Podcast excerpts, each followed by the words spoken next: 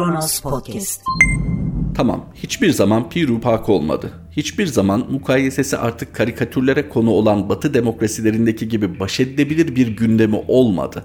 Ama hiçbir zaman da bu kadar iç karartıcı olmadı, hiçbir zaman bu kadar çaresizlik hissi uyandırmadı. Vatandaş işinde gücünde görünüyor olabilir, vatandaş ekmeğinin telaşında görünüyor olabilir. Fakat bu ülkede intiharlar oluyor. Bu ülkede siyasi gündem olmaması gerektiği şekilde özellikle iktidar mensuplarının ağza alınmayacak ifadeleriyle çalkalanıyor. Hoş çalkalanıyor diyoruz ama insani açıdan bu da olur mu diye tepki gösterilmesi gereken cümleler, kelimeler ertesi gün unutulup gidiyor hatta yenileri sarf ediliyor. Ve böyle bir ortamda insanlar ellerinde akıllı cihazları organize suç örgütü lideri bugün video yayınladı mı bugün ne dedi hükümet mensuplarıyla ya da hükümetin etrafında çöreklenmiş 90'lardan kalma figürlerle ilgili bir şey söyledi mi?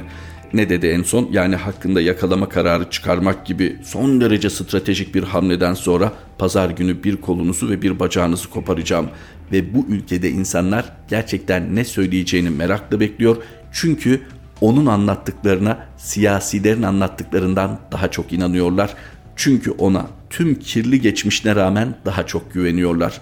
Tabii buradan siyasilerimizin kendilerine ders çıkarması gibi bir beklentimiz yok. Sağ olsunlar onların da zaten böyle bir niyetleri yok. Sanırım onlar şu an biz bu çarkı döndürmeye nasıl devam edebiliriz telaşında.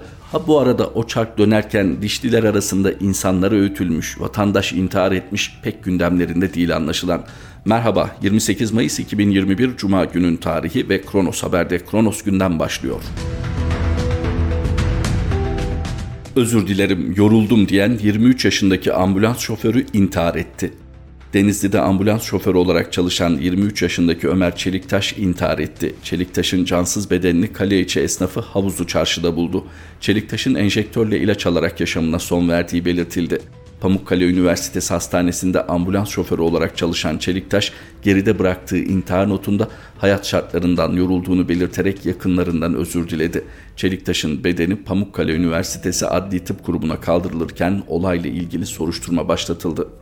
Ömer Çeliktaş duygusal bir veda mektubu bırakıyor. Üzülmeyin diyor ailesine. Geçimini sağlamak için ek iş olarak yaptığı bıçak bileme atölyesinde intihar ediyor bu arada. Altı çizilecek satır bu haberde. Hemen her intihar haberinde vurguluyoruz. İnsanlar durduk yere intihar etmezler ve tabii ki her intiharın sorumlusu siyasi iktidar değildir. Fakat görünen sebepler arasında eğer ekonomi varsa, geçim sıkıntısı varsa ve bu artan intiharlarda ciddi bir etkense artık hükümetin oy kaybetmeyi de göze alarak siyasi ikbalinde riske ederek durumu kabullenip araştırma yapması gerekiyor. Gerçekten intihar gerekçesi olarak ekonomik gidişat ne kadar etkili diye. Şu var, kendileri çevrelerine baktığında bunu görmüyor olabilir. Çünkü dönem itibarıyla eş dost bir şekilde geçimlerini temin etmekten öte belki dünyalık biriktirmeye başlamış olabilirler. Onlar için elbette ekonomik gidişatta bir problem yok. Fakat şöyle bir toplumun geneline bakıldığında insanların ciddi ciddi geçim sıkıntısı çektiklerini görecekler. Ne olur artık ikballerini, siyasi geleceklerini bir kenara bırakıp şu konuyla ilgilensinler. Çünkü çok önemsiyorlarsa eğer dini olarak da vebal altındalar. Ekonomik gerekçeyle de olsa tabii ki bir psikolojik eşiktir intihar ve o psikolojik eşiği aşanların sayısı arttıkça artık genel toplum sağlığıyla ilgili de ciddi endişe duyulması gerekiyor. Gerçekten bu konunun kendi faaliyet sahalarına girdiğini düşünmüyor mu acaba bakanlarımız yahut da AK Partili milletvekilleri asıl işlerinin ne olduğunu düşünüyor? Ülke gündeminde bu intiharların onlar açısından hiç mi kıymeti yok? En azından icraatta bulundukları ülke sınırları içerisinde bir problem olduğunu görmeyecekler mi? Görmek istemeyecekler mi? Bakınız insanlar canlarını kaybediyorlar. Kendi iradeleriyle hayatlarından vazgeçiyorlar. Lütfen bu konuda en azından bir sorumluluğumuz var mı diye artık düşünün ve sizin siyasi ikbaliniz açısından neye mal olacaksa olsun bu intiharlardaki ekonomik gerekçeyi en aza indirmeye çalışın. Ama tabii bir organize suç örgütü liderinin hemen her gün deşifre ettiği kirli ilişkilerin size getireceği faturalardan kurtulmak için çabalamaktan fırsat bulabilirseniz. Kuzey Kıbrıs Meclisi Kutlu Adalı cinayetini araştıracak. Sedat Peker'in Kıbrıslı gazeteci Kutlu Adalı cinayetiyle ilgili açıklamaları sonrasında Kuzey Kıbrıs Türk Cumhuriyeti'nde Cumhuriyetçi Türk Partisi tarafından meclise sunulan araştırma önergesi kabul edildi. Sedat Peker'in kardeşi Atilla Peker, Kutlu Adalı'nın öldürülmesine ilişkin iddialarının yer aldığı dilekçeyi Fethiye Cumhuriyet Başsavcılığına vermişti. Peker dilekçesinde eski asker ve emekli MİT mensubu Korkut Eken'i suçlamıştı. Kuzey Kıbrıs'ı Türkiye'den ayrı düşünmek mümkün değil. Bunu zaten Türkiye Cumhuriyeti de istemiyor. İsteseydi zaten Kuzey Kıbrıs Türk Cumhuriyeti'nin kendi kabul ettiği gibi özgür bir devlet olarak yoluna devam etmesini sağlardı. En azından bunun için çaba sarf ederdi. Kaldı ki uluslararası alanda kabulü için dahi pek çaba sarf ettiğini söylemek mümkün değil. Acaba bunun arkasında ne var? Bununla ilgili çok karanlık bir takım niyetlerden de söz edilebilir. Bu bir kenarda dursun. Zaman zaman gündeme getiriliyor. Zaten Kuzey Kıbrıs'ta da bundan rahatsız olan ciddi bir kesim var. Peki Sedat Peker'le gündeme gelen Kutlu Adalı cinayetinde son durum nedir? Kronos o haberi aktarıyor. Kutlu Adalı cinayetiyle ilgili Kuzey Kıbrıs Türk Cumhuriyeti Meclisi'nde bir araştırma önergesi kabul edildi. Neden bu kadar önemli? Hani bu çok normal değil mi? Elbette bir iddia var, vahim bir iddia var ve üstelik bu iddia delillendiriliyor. Niçin araştırılmasın? Mutlaka araştırılmalı, üstüne gidilmeli ki gerçek failler ortaya çıkarılsın. Bu gelişmenin bu kadar mühim olmasının sebebi Türkiye'de yapılamamış olması. Bakınız Türkiye'de de muhalefet dedi ki Sedat Peker'in iddiaları çok vahim. Gelin Türkiye Büyük Millet Meclisi'nde bir araştırma komisyonu kuralım ve bu iddiaları araştıralım. Reddedildi. Şaşırtıcı değildi. Adalet ve Kalkınma Partisi ile Milliyetçi Hareket Partisi bu araştırma komisyonu kurulması önerisini reddetti. Neden? Sorsanız ülkenin çok daha önemli meseleleri var. Bir organize suç örgütü liderinin ipe sapa gelmez iddialarıyla ülke gündemini meşgul etmeyelim denilebilir. Bakınız artık bu saatten sonra özellikle Süleyman Soylu'nun Sedat Peker'i itibarsızlaştırmak için, Sedat Peker'in söylemlerini itibarsızlaştırmak için Sedat Peker'i itibarsızlaştırma çabası olduğunu da belirtelim. Çünkü Sedat Peker dediğiniz şahıs her ne kadar devlet kayıtlarında organize suç örgütü lideri olarak görülse de mevcut iktidarla iftar sofralarından miting meydanlarına kadar ayrı düşünemeyeceğiniz bir isim bir paylaşım sorunu olduğu açık. Onun için şu an dışlanmış görünüyor ki kendisi de bunu ifade ediyor zaten. Yani itibar meselesi sözlükteki anlamıyla kullanılmıyor burada. Süleyman Soylu özellikle televizyon yayınında niçin onun söylediklerine itibar ediyor mealinde birkaç cümle kurdu. Fakat şöyle bir gerçeklik var. Şu an ülke genelinde Sedat Peker'in söyledikleri daha ciddiye alınıyor. Burada birkaç faktör var, birkaç doğru uygulama var. O da Sedat Peker hazırlık yapıyor. Yani Sedat Peker burada atağa hazırlayan, hükümetse hep savunmada kalıyor ve savunma daima atak planına göre şekillenir. Spordan tutun da savaşa kadar böyle. Yani hücum eden tarafın planının sahada uygulanmasına göre bir müdafaa geliştirirsiniz. Sedat Peker bu taarruz planını yaparken hazırlığı ihmal etmemiş, her şeyden önce güvenilirlik sorununu ortadan kaldırdı. Yani hayır böyle bir şey zinhar yoktur, şerefsizim, namussuzum, ispat edilirse şöyleyim böyleyim söylemlerine tam da dedikleri gibi olduğunu yüzlerine çarparcasına video kayıtlarla cevap veriyor. Ha bakın bunları anlatırken Sedat Peker ne yiğit ne kahraman böyle birinden söz etmiyoruz. Sedat Peker zaten bu zemini hazırlamak için dikkat ediniz. Önce bir sempati geliştirdi. Barış akademisyenlerinden özür diledi. Tabi orada yine delikanlılığa halel getirmemek için böyleyse özür dilerim dedi. Özür diledi. Mesela Defne Hanım meselesinde de özür dilemekten çekinmedi. Bahsettiğim Defne Samyeli değildi. Tüm kalbimle özür diliyorum diyerek son derece sempatik bir tavır geliştirdi. Yani yanlış anlaşılmaya sebebiyet verdiğinde geri adım atmaktan çekinmedi. Bu durumda acaba kamuoyu nezdinde nasıl bir Sedat Peker profili oluştu? Bakınız şu algı sürpriz olmayacak. Hali hazırda alıcısı var toplumda. Neye inanılır? Şartlar çok zaman bizim istediğimiz gibi gelişmez ve kader bizi kötü işler yapmaya zorlayabilir. Bir de kader mahkumu diye bir ifade var malumunuz kullanılan. Doğru yanlış değil de bazı kavramlar üzerinde bu değerlendirme yapılmaz. Mesele bunun toplum tarafından nasıl algılandığı ve nasıl kullanıldığıdır. Sedat Peker'le ilgili de acaba böyle bir algı yerleşiyor mu? Yani Sedat Peker özünde iyi bir insan ne var ki vakti zamanında bazıları isim de verelim mi Veli Küçük gibiler onunla irtibat kurdu ve onun o deli doluluğunu ya da delikanlılığını devşirdi bir takım karanlık işlerin içine çekti. Normalde Sedat Peker vatan millet diyen din iman sevdalısı bir Anadolu insanıdır. Nitekim o da sık sık serpiştiriyor konuşmaların arasında bu algının pekişmesi için. Peki böyle bir Sedat Peker hükümetle ilgili vahim iddialar gündeme getirdiğinde ne olacak? Şu ana kadar Sedat Peker önde görünüyor, psikolojik üstünlük de onda. Bu konuda sadece Süleyman Soylu'nun Habertürk yayınındaki performansını düşünmek bile yeterli olabilir.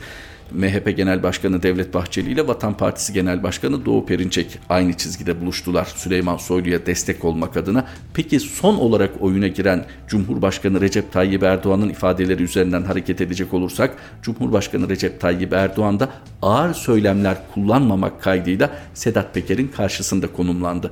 Şunu söylemesi de beklenilmezdi herhalde. Vakti zamanında partimizde bu kadar içli dışlı olmuş Sedat Peker'in kötü biri olduğunu düşünmek mümkün mü? Ne söylüyorsa ciddiye alacağız ve İçişleri Bakanımız Süleyman Soylu hakkında bir soruşturma başlatacağız diyebilir miydi? Sorun burada zamanlaması. O da zaten bir takım siyasi analistlerin dediği gibi Süleyman Soylu'nun yıpranmasından rahatsız olmamasıyla ilgiliydi.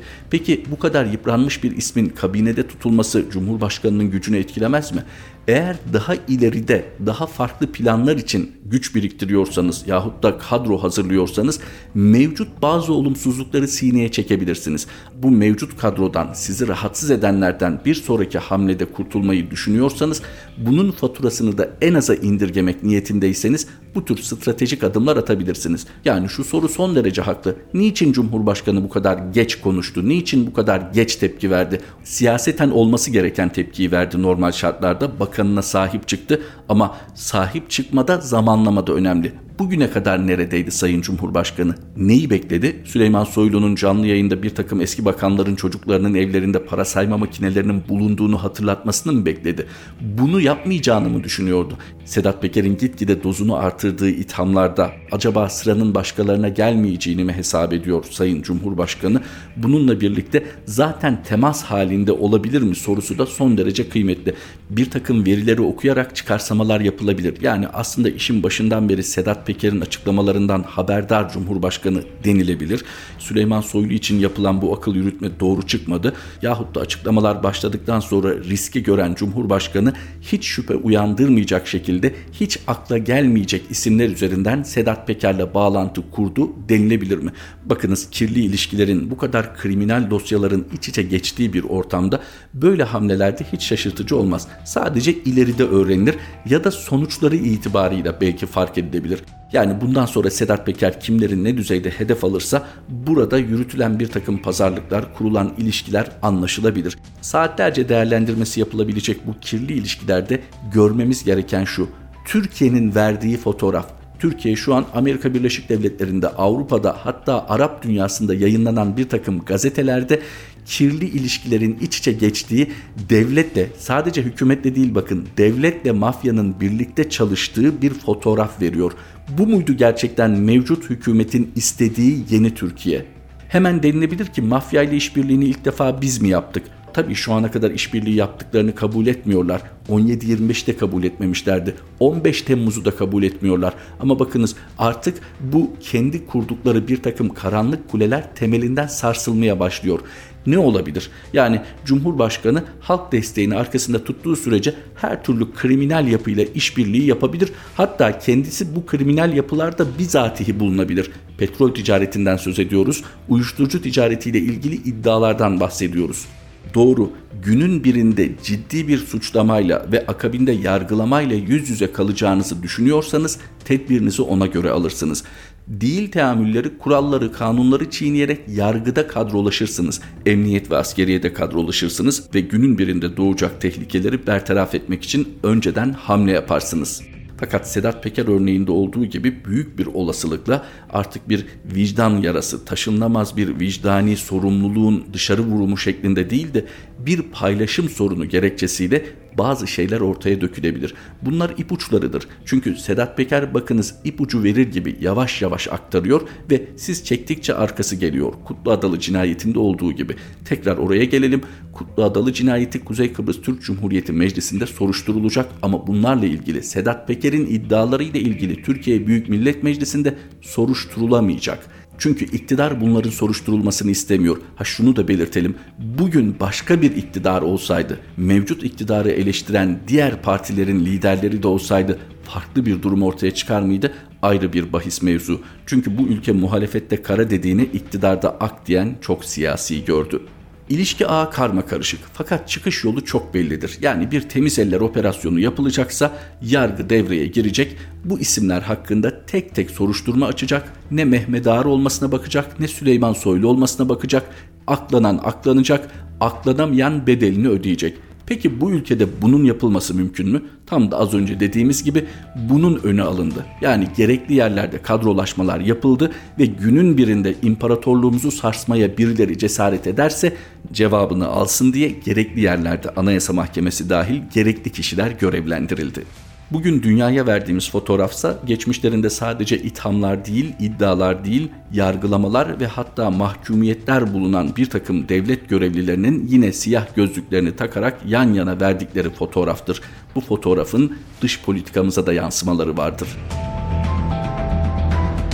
Reuters, Belarus'a tepkiyi yumuşatan Türkiye hayal kırıklığı yarattı. Konuya aşina iki diplomatın Reuters'a verdiği demece göre Türkiye NATO müttefiklerinin muhalif bir gazeteciyi tutuklamak üzere bir yolcu uçağını zorla indirdiği için Belarus yönetimine karşı vereceği resmi tepkinin yumuşatılmasını sağladı. NATO çarşamba günü gazeteci Roman Protasevic'i tutuklamak için bir Ryanair uçağının zorla indirilmesini kınayan iki paragraflık bildiri yayınladı. Ancak Baltık müttefikleri ve Polonya'nın talepleri doğrultusunda cezalandırıcı bir adım atmaktan kaçındı. Resmi açıklama NATO Genel Sekreteri Jens Stoltenberg'in konuya ilişkin daha önce kamuoyuna yaptığı açıklamalara nazaran daha yumuşaktı. Stoltenberg olayı devlet korsanlığı ve çirkin olarak nitelendirmişti. Söz konusu iki diplomat Ankara'nın Belarus'a yaptırım uygulanmaması ve siyasi mahkumların serbest bırakılması çağrısının metnin dışında bırakılması konusunda ısrar ettiğini belirttiler. Yine aynı nedenden dolayı NATO'nun Belarus'la işbirliğinin askıya alınacağına ilişkin tehdidinin de kaldırıldığını eklediler. Türkiye'nin Belarus Devlet Başkanı Lukashenko'ya bu desteği neden verdiği bilinmiyor. Diplomatlar Ankara'nın Belarus'un en yakın müttefiki olan Moskova ile bağlarını korumayı ve Minsk'e günlük uçuşları olan Türk Hava Yolları aracılığıyla Belarus Belarus'la ekonomik ilişkilerini sürdürmeye amaçlıyor olabileceğini söyledi. Bir başka olasılıkta Türkiye'nin Rusya'yı bu yaz turist göndermesi için ikna etme isteği olabileceği belirtildi.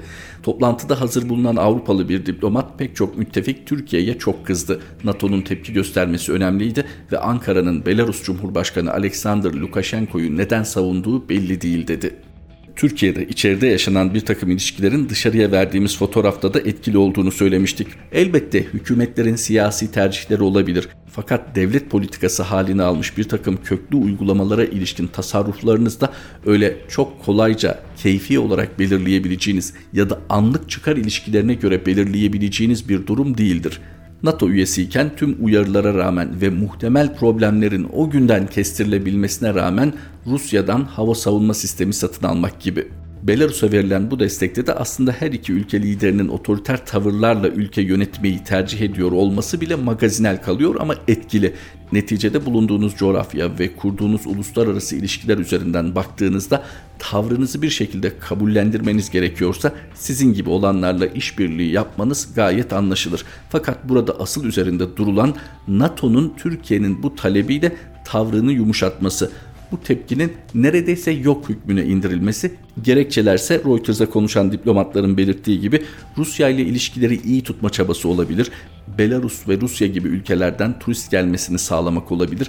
Bakınız o kadar üzücü ki bu yorumun yapılması bozuk giden ekonominize bir nebze nefes aldırmak için ilkeler bir yana dönemsel çıkarınızın gereği gibi hareket etmekle itham ediliyorsunuz. E bütün ülkeler böyle yapmıyor mu? Son kalemde evet bütün uluslararası ilişkiler uzmanları söyler. Uluslararası ilişkiler ülkelerin çıkarlarıyla ilgili bir konudur. Buna bir itirazımız yok. Ama bakın siz Birleşmiş Milletler kürsüsü dahil bulunduğunuz hemen her uluslararası toplantıda, ortamda ilkelerden söz ediyorsunuz. Türkiye'nin ne kadar ilkelerine bağlı olduğundan söz ediyorsunuz. Peki bu hamleyi nereye koyacağız? Şunun düşünülmesi, uluslararası etkinliği olan bir haber ajansına düşünce olarak aktarılması bile NATO ile ilişkilerimiz açısından vahim değil mi? Belarus'a destek verdi çünkü Rusya ile ilişkilerini iyi tutmak istiyor. Oysa bütün oyun kurallarına göre oynansaydı şu an zaten böyle bir ihtiyaç olmayacaktı. Yani uluslararası ilişkilerimiz Türkiye'nin tarihi konumlanması itibarıyla sürdürülüyor olsaydı 15 Temmuz gibi hala izaha muhtaç bir takım gelişmelerde hala anlaşılamamış bir takım uluslararası bağlantılar kurulmamış olsaydı bu noktaya gelinmeyecekti. Ama ne kıymeti var gelindikten sonra?